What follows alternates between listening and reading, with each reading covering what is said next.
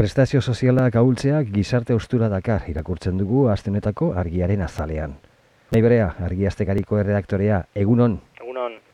Azteko, argiaren eh, titularra nahiko argia da, prestazio sozialen inguruan. Bai, hala da, e, prebentzio neurriak eskatzen ditugu barruko titularean ere bai, ezta?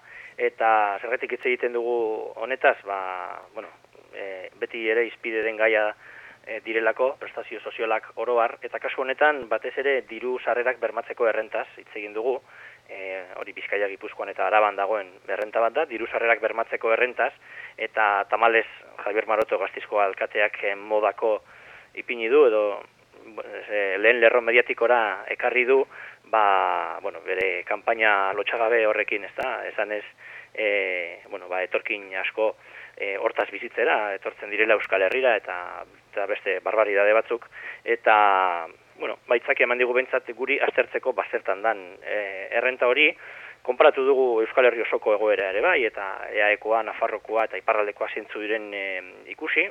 Abia puntua da, e, Espainiako estatua hartzen badugu termometro modura, e, ba, Euskal Autonomia Erkidegoa dagola errenta hoien errenta hoiei dagokienez ba ba erpinean, ez, edo muturrean e, zentzu honean esan nahi dute, alegia babes honena eskaintzen duen zeratako bat dela, Ipar Euskal Herrian e, antzera dabil, beste izen batekin bada ere, eta Nafarroan aldiz, ba, 2008tik beste sistema bat ezarri zutenetik, ba, gauzak okertuz e, doazela, esan digute aditu batzuek, eta e, bueno, asko begiratzen zaiola ba, e, errenta horiek jaso behar duenaren e, egoeraren kontrolari eta eta ez hainbeste ba, haien egoera konpontzeari. Oro har hala ere, ba, e, bueno, bai falta dela ikuspuntu globalago edo integralago bat, bai diru laguntza hori dagokienez, baita ere gizarte zerbitzuei buruz e, ari garenean e, oro har, ez da, e, askotan ba, adabakiz adabaki, ari gara, gauzak konpontzen eta, bueno, sakoneko arrazoen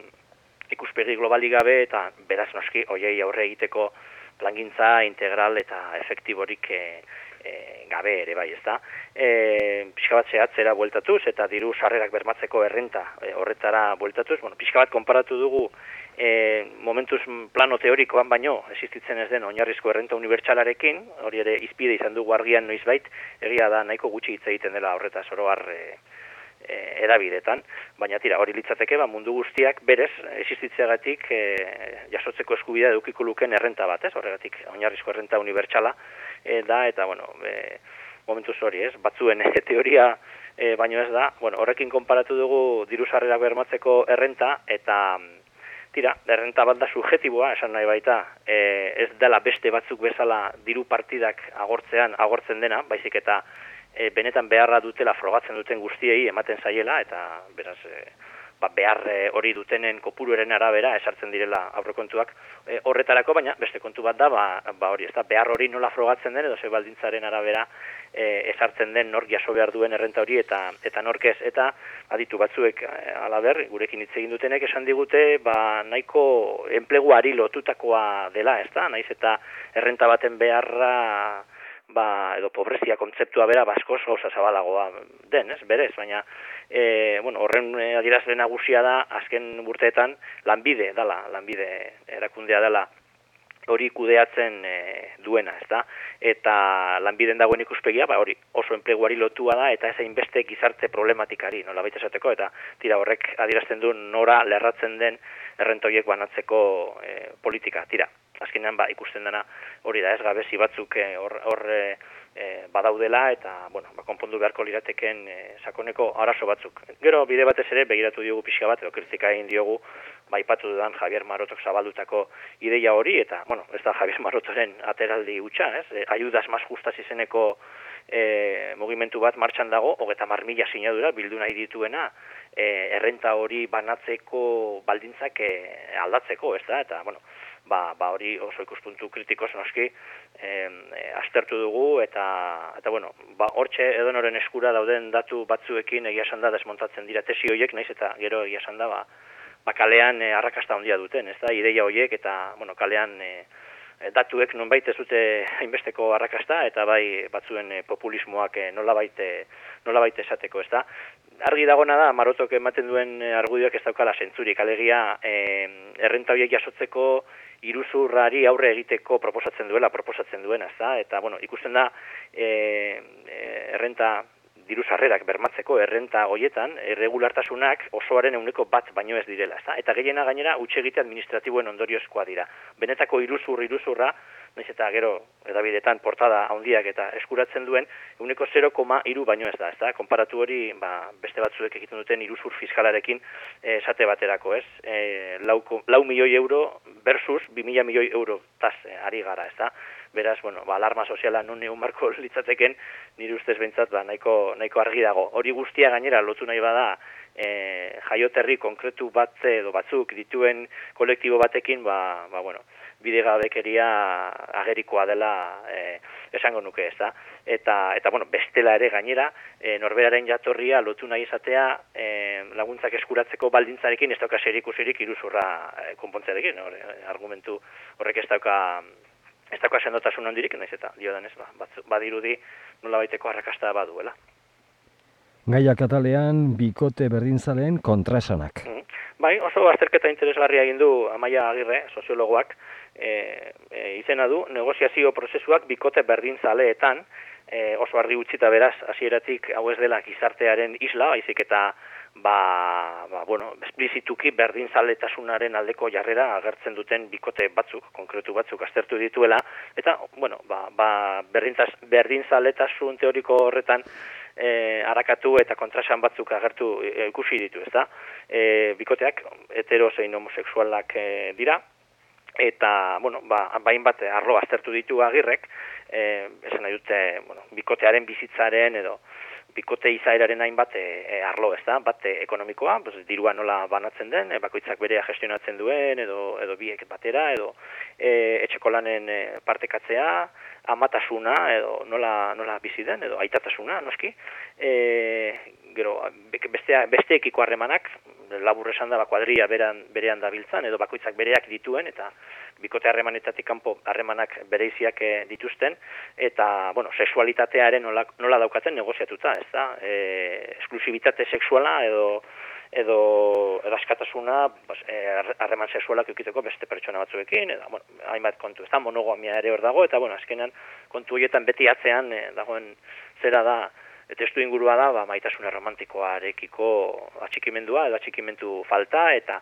tira, bueno, ba, hor ikusten da, berdin zaletasuna aldarrikatu arren, ba, arlo horietako batzuetan, beste batzuetan, baino, askoz e, gehiago, e, batez ere negoziazio falta izaten dela, ez da? Egunerokoan negoziazio falta izaten dela, naiz eta plano teoriko baten, ba, e, ideia ber, aurrera zaleak izan, bikote horietako kideek, eta, eta laburtzeko esan daiteke, ba, reportajearen lehenengo saldia, nire asko gustatzen zait, negoziazio horik ezean, parekideak ez diren praktikak nagusitzen dira, ez? edo bueno, genero desberdintasunak areagotzen dituzten praktikak e, nagusitzen dira. Bestela esan da, kako txartean naturaltzat eh, jotzen direnak, ez da?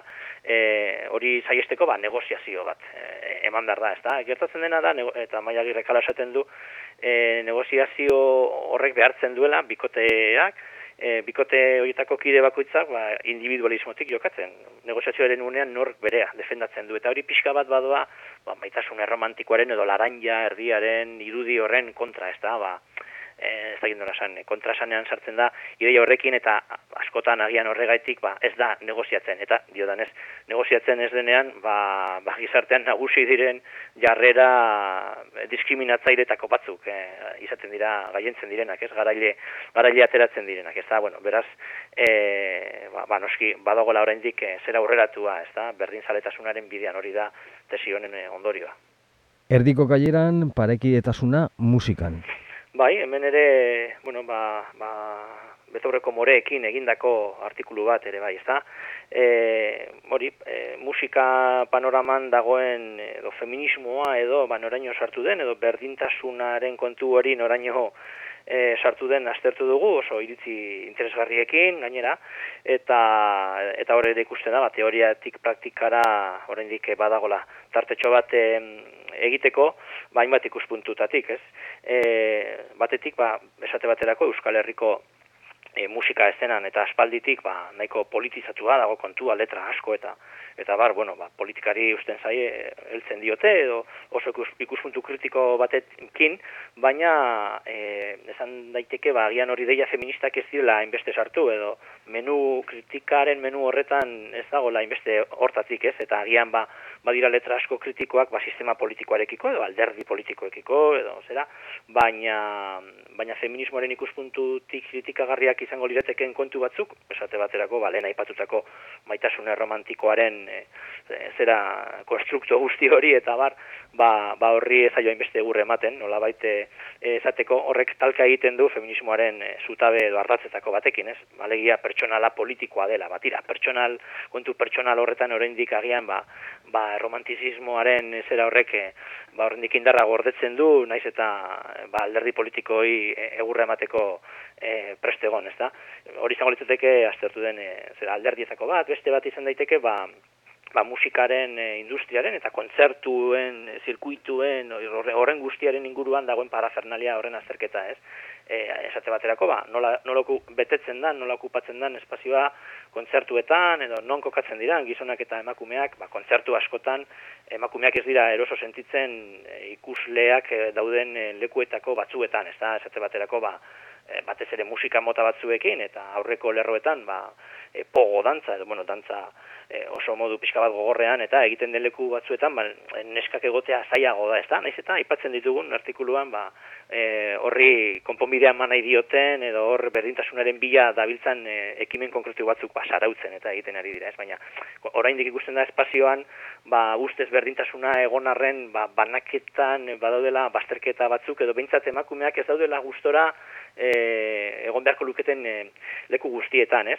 Edo, esate baterako, ba, ez da onartzen, e, ez da itortzen, esan nahi dut, e, kontzertu baten antolakuntzan dagoen guztia, adibide tonto edo zain tonto, bat emateagatik, ba, ba, musikarien afaria eta nork prestatzen duen, alegia zaintzalanak, betiko kontua, ez da, e, hor dauden zaintzalanen atzian, ba, nor dagoen, ez da, bueno, hori, horren aitorpena falta da, eta egia esan behar bada, badaude, badaude ere duenak, estatu batuetan, eta horrela batez ere, herriot, e, GRRRL mugimenduko e, banda batzuk, ez? Bueno, badibidez, e, aitortza horiek egiten dituzte, edo ez dituzte kontzertuak azten, lehenengo bizpairu lerrotan dauden e, ikusleen zule guztiak emakumeak izan arte, ez da? Oran, bueno, badaude eredu batzuk e, jarraitzeko, ez?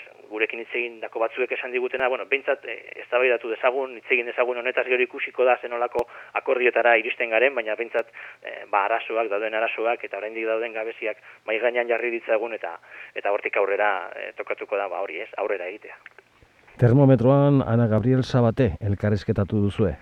Bai, Ana Gabriel eh, Sabate, bueno, gauza asko da, baina esan dezagun kupeko idazkari orokorra e, dela, eta dien erleitazean ere, o, bueno, parkatu, e, Kataloniako parlamentean ere badago, elaz. E, une honetan kup taldeko koordinatzailea da, naiz eta kup barruan daukaten estatutuen gatik, maiatzean utziko duen kargu hori, e, kupen debekatuta dagoelako beraietako kide batek ere kargu publiko baten egotea laburtetik gora, ez da, beraz, e, ba, gutxi geratzen zaio, hilabete edo geratzen zaio, e, zer egin horretan, ez?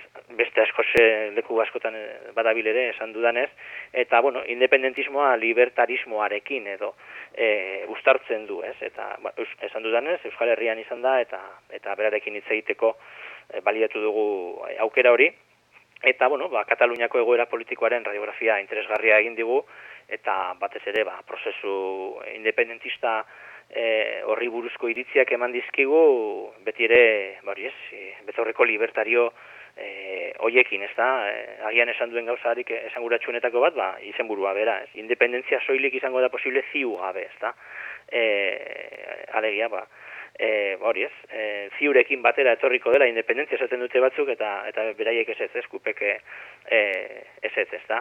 E, ziurekin, ba, ziu korrezkatzen duenarekin ezin dutelako bat egin, ez da.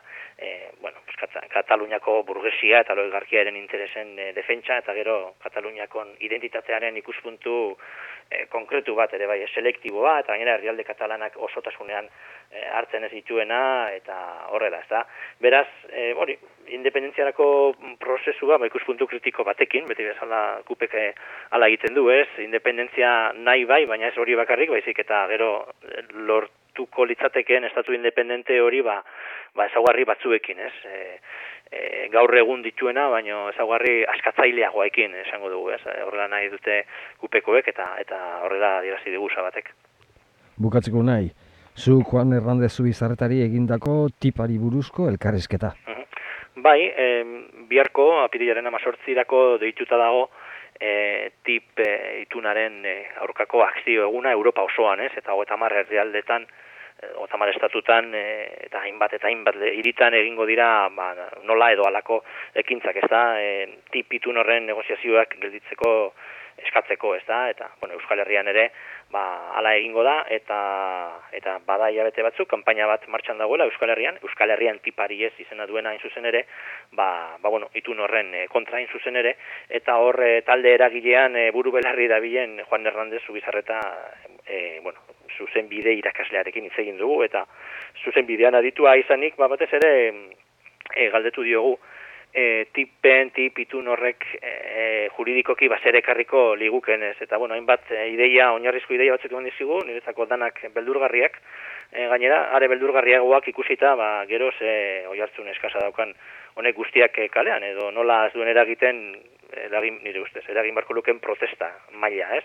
E, ikusita beste gauza batzuek bai eragiten dutela noski, eta ez nago beste hoien e, protesta bien kontra e, noski, ez da? Nik, azimarratuko nuken ideia da, e, ez tip bakarrik, ze, berak dioenez hori kate begi bat besterik ez da, e, Eolako itun guzti horrek edatzen duten bazera hori, armi armasare hori, impunitatearen arkitektura, berak hola esaten dio, e, ba, ba, bueno, base ondorio ekartzen duen, ez? E, lehenengo ekarri zuten hori, merkataritza liberalizatzea, baina bigarren urrats baten ere bai, ba, justizia privatizatzen hasi zen, ez? Oraindik Europan nolako hainbeste ez dugu ikusi, baina bueno, tipekin etorriko lirateke, ez? Ba, holako auzitegi pribatu batzuk non transnazionalek eskubidea ekiko luketen e, erakunde publikoen onartutako legeen kontrako salaketak ipintzeko beraien interesen kontrako txat jo ezkero, ez? Eta gainera, transnazionalek bakarrik eh, jo dezakete e, paitegi horietara, hori justiziaren privatizazioa litzateke. Baina gainera, e, honekin ja irugarren urratsa ematen da, ez? Edo irugarren belaunaldia dator, ez? Eta hori da e, legislatiboaren privatizazioa, ez? Legegintzaren privatizazioa. Legeak, e, legeak egitea ere, bat litzateke izango dagoeneko erakunde publiko, en, erakunde publikoen eskumena edo bai baina, ez da? Bai baina iragazki batekin, ez? Eta hor aurre ikusten da balako organo bat eta organo horretan kontsulta e, horrela esaten dute, ez? Kontsulta egingo litzateke Ba, esate baterako hemengo diputazio batek eh, onartzen duen e, arau bati buruz eta arau ba, hori beti ere egokitu behar zaio ondo itunak esaten duenari, ez, ituna onartzen baldin bada, ez, tip onartzen e, baldin bada, ez, bueno, Gipuzkoako diputazioaren arau bat ematen du adibide, Juan Hernández Ubizarretak oso egokia, ez, Gipuzkoako diputazioan kontratazio publiko lanak, ba, klausula sozial izeneko gauza bat dute, ez, bertako e, hitzarmen kolektiboa bete behar dute, ez da, ba, pentsa, estatu batuetako enpresek ez daukate hitzarmen kolektiborik, ez da, etor daiteke eh tetipen arabera, etor daiteke estatu batuetako enpresa bat eta esan baina neurri horrek ni diskriminatzen hau, baztertu egiten hau eta agian, bueno, ba presio ikaragarriak edukiko lituzke Bizkaiko Gipuzkoako Gipuzkoako aldundiak klausula hori mantentzeko, eta bere eskumena den holako klausula bat e, sartzea. Bueno, hori izango litzateke adibide bat, diodanaren adibide bat. Azkenean, ba, betiko hiru boteren privatizazioaren prozesu bat izango litzateke, ez? Justizia privatizatu da, e, lege gile, botere legegilea ere privatizatzeko bidean honekin, eta botere ejekutiboa ez da privatizatu behar, azken batean, bat transnazionalen mesedertan ari delako dagoeneko, eta e, hori privatizatu e, beharrik e, ez dago, ez da, bueno, tira, azkenean kontua zer da, ba, alako arkitektura bat, e, zera bat, eraikuntza bat egiten dela transnazionalen mesedetan, eta gainera ondo funtzionatzen duena, transnazionalen eskubideak ondo bete arazten dira, ez da, giza eskubidekin hori hori ez da gertatzen, ez da, giza eskubideak bermatzeko amaika mila hitzarmen eta arau eta nazibarteko itzun dago, baina horiek eh, oso balio morala handikoak dira, baina gero ez dakoete eragin kartosunek, ez dira bete, bete arazten, ez da, eta aldiz tip eta hauen bidez, ba, transnazionalen ustezko eskubideak horiek bai bete arazten direla, ez, bete arazten dituela, eh, Juan Hernández Ubizarreten hitzetan alako nolabaiteko ertzaintza edo polizia global mundial eh, batek, ez da? Bueno, neko panorama diodanez niretzat beldurgarria, eh, Hernández Ubizarretak deskribatutakoa. Unai Berea, argiaztekariko erredaktorea. Mila esker, gaur ere gurekin egoteagatik eta ondo pasaste burua. Bai, berdin. Agur.